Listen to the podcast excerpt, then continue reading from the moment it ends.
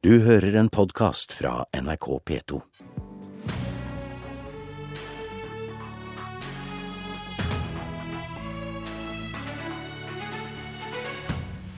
Vil fritt behandlingsvalg føre til kortere ventetid for pasientene, eller er det de private klinikkene som har størst grunn til å juble over regjeringens forslag? Det er klart for politisk toppmøte mellom statsministerkandidat Jonas Gahr Støre og statsminister Erna Solberg. Velkommen til ditt første politiske kvarter som partileder, Jonas Gahr Støre. Tusen takk. I går ettermiddag kom regjeringens forslag om fritt behandlingsvalg. Ordningen skal settes gradvis ut i livet fra 2015. Dere frykter at kommersielle private klinikker skal ta penger fra de offentlige sykehusene. Men er det ikke mye viktigere at pasientene får et tilbud om behandling, enn hvor de blir behandlet? Det viktigste er å få godt tilbud til pasientene for hele spekteret av de sykdommene folk kan ha som trenger behandling. Eh, nå la de regjeringen fram flere ting i det i går. Vi kan komme inn på flere av de delene. Eh, men vi er mest opptatt av at vi bruker ressursene, og det er pengene, utstyret og folk, der hvor vi gir best behandling til alle på et likeverdig grunnlag. Det som ble lagt fram i går om fritt behandlingsvalg, er jo noe veldig annet enn det disse partiene lovet i valgkampen. Men innledningsvis så her, jo, vi frykter et system som skaper et uh, kommersielt marked for helsetjenester vi alle skal være trygge på vi kan få, og som tar ressurser, både folk og penger, ut av sykehusene. Det avhenger jo av hvordan dette blir utformet. Men det er en, uh, en uro vi har. Og så tror vi det er mange andre tiltak som er viktigere for å sikre god pasientbehandling enn dette. Ja, statsminister Erna Solberg. Solberg, Allerede fra årsskiftet så skal jo da en del pasientgrupper kunne velge private klinikker fremfor offentlige sykehus, mens staten tar regningen. Hvordan skal dere kunne hindre at de offentlige sykehusene blir taperne hvis stadig mer av pengene skal gå til private klinikker? Kanskje jeg først kan få lov å begynne med å gratulere Jonas Gahr Støre med valget. Jeg gleder meg til politiske debatter fremover. Det er alltid et eh, stort skifte når eh, landets eh, største parti faktisk bytter lederskap. Og så er det sånn at det, det vi har fremmet nå, det har en viktig side ved seg som jeg mener er viktig ideologisk. Vi flytter mer makt til pasientene. Vi sørger for at helsevesenet snur seg mer i retning av pasientene. Det har Høyre en lang tradisjon for å gjøre. Og på borgerlig side har vi altså da slåss frem fritt sykehusvalg. Vi har slåss frem behandlingsfrister for pasienter. Og vi har slåss frem at ruspasientene i Norge skulle få lov å bli pasienter med rettigheter istedenfor å være brukere og grupper som ikke hadde pasientrettigheter. Dette er et nytt trinn i akkurat det samme. Du flytter makten med over til pasientene. Det, det, viktigste grepet vi gjør, er jo å løfte, ta vekk aktivitetstaket i offentlige sykehus. Det er det som kommer til å gi mest kapasitet og flere behandlinger. Og så kommer det til å bli mulig å velge annerledes, og velge et privat tilbud til en helt kontrollert pris, og det kommer til å få køene ja. Men er du sikker på at dette ikke vil tappe de offentlige sykehusene for ressurser, slik Arbeiderpartiet og flere andre opposisjonspartier var inne på i går ettermiddag? Jeg tror at de offentlige sykehusene kommer fortsatt til å være det absolutt største delen av norsk helsevesen, fordi at mesteparten av aktiviteten kommer til å ligge der. Men jeg tror at det er én ting som er viktig det er at vi faktisk får ned køene. Vi får ned tiden folk står i kø. Folk står altfor lenge i kø, og samtidig har vi kapasitet. Vi har kapasitet til å behandle flere i det offentlige. Derfor løfter vi dette aktivitetstaket. Og så har vi kapasitet i det private til å ta unna langt flere til behandling. Vi ser f.eks. innenfor rusomsorgen, som er noe av de områdene vi begynner med. Der har det vært nedlagt kapasitet som har vært god og kvalitativt god, samtidig som det har vært lange køer i de ja. siste årene. Ja, Støre, dere har altså sittet og styrt i åtte år. og vi har jo da lange køer foran en del operasjoner. og Er ikke nå på tide å prøve noe nytt, slik regjeringen foreslo i går kveld? Det er hele tiden på tide å prøve noe nytt, men la oss nå ta helheten i dette.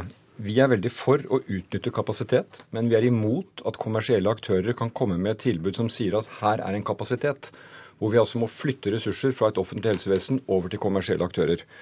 Eh, jeg sa i går på lørdag da jeg ble valgt som leder i Arbeiderpartiet, jeg skal si ja når jeg er for, og når regjeringen gjør noe riktig.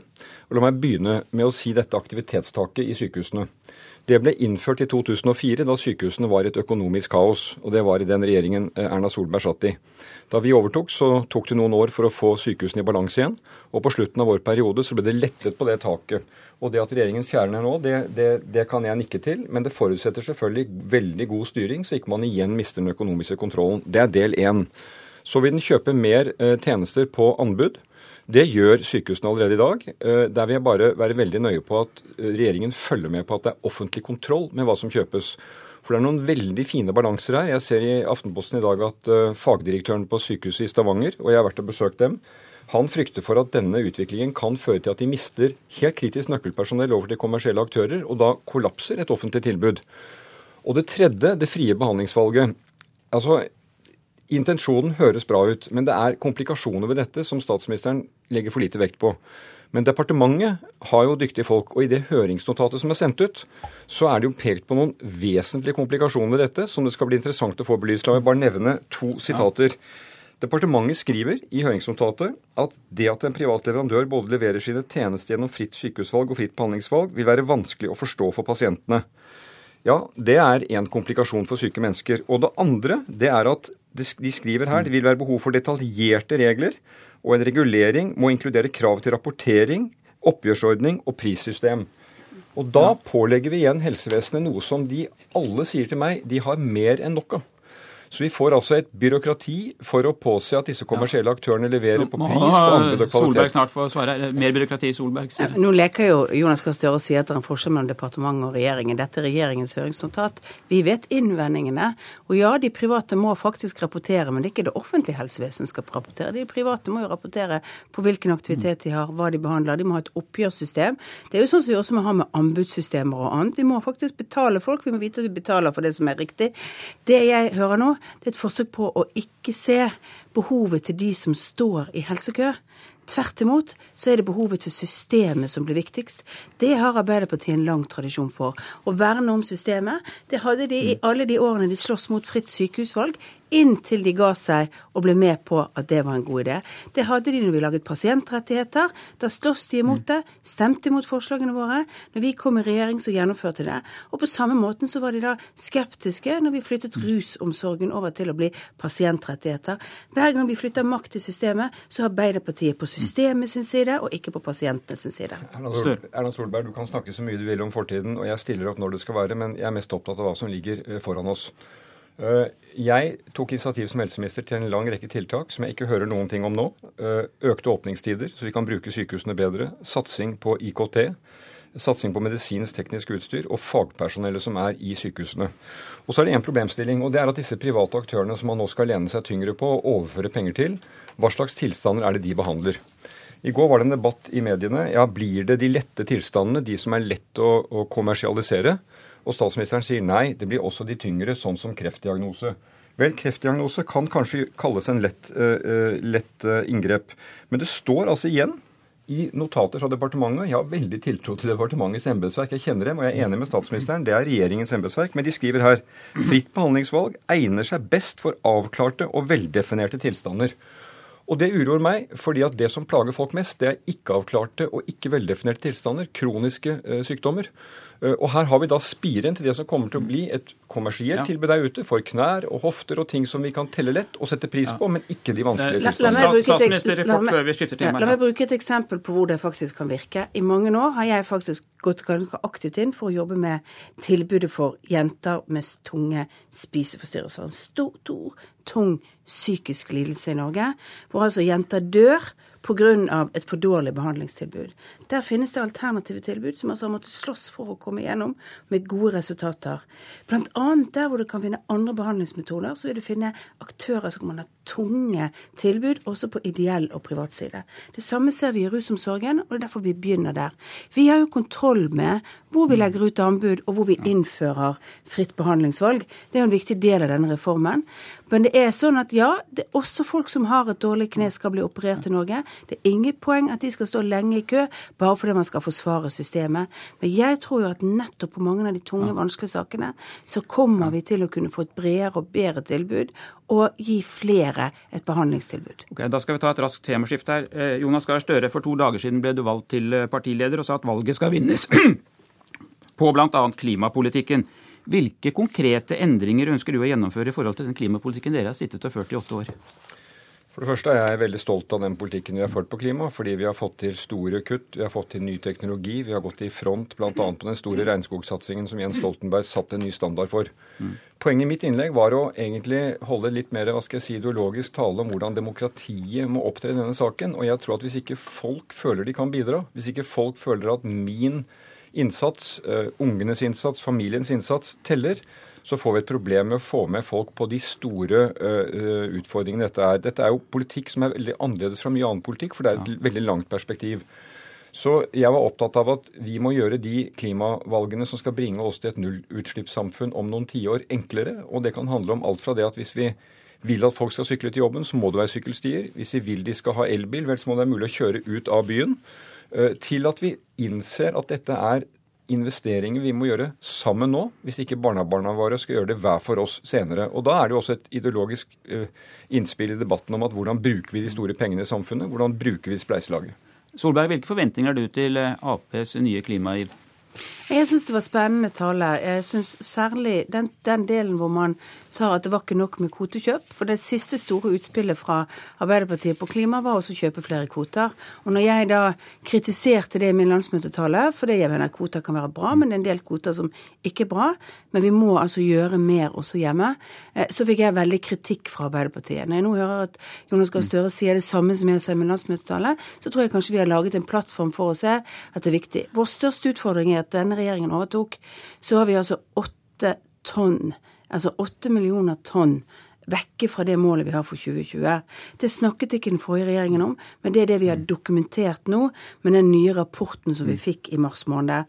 Og det, Vi er langt fra å nå de målene vi felles satte oss i klimaforliket. Derfor har denne regjeringen giret opp hva vi skal gjøre. Derfor har vi bl.a. nå varslet at vi skal bruke betydelig mer penger eh, på teknologiutvikling. Og et av de store resultatene ser vi jo nå.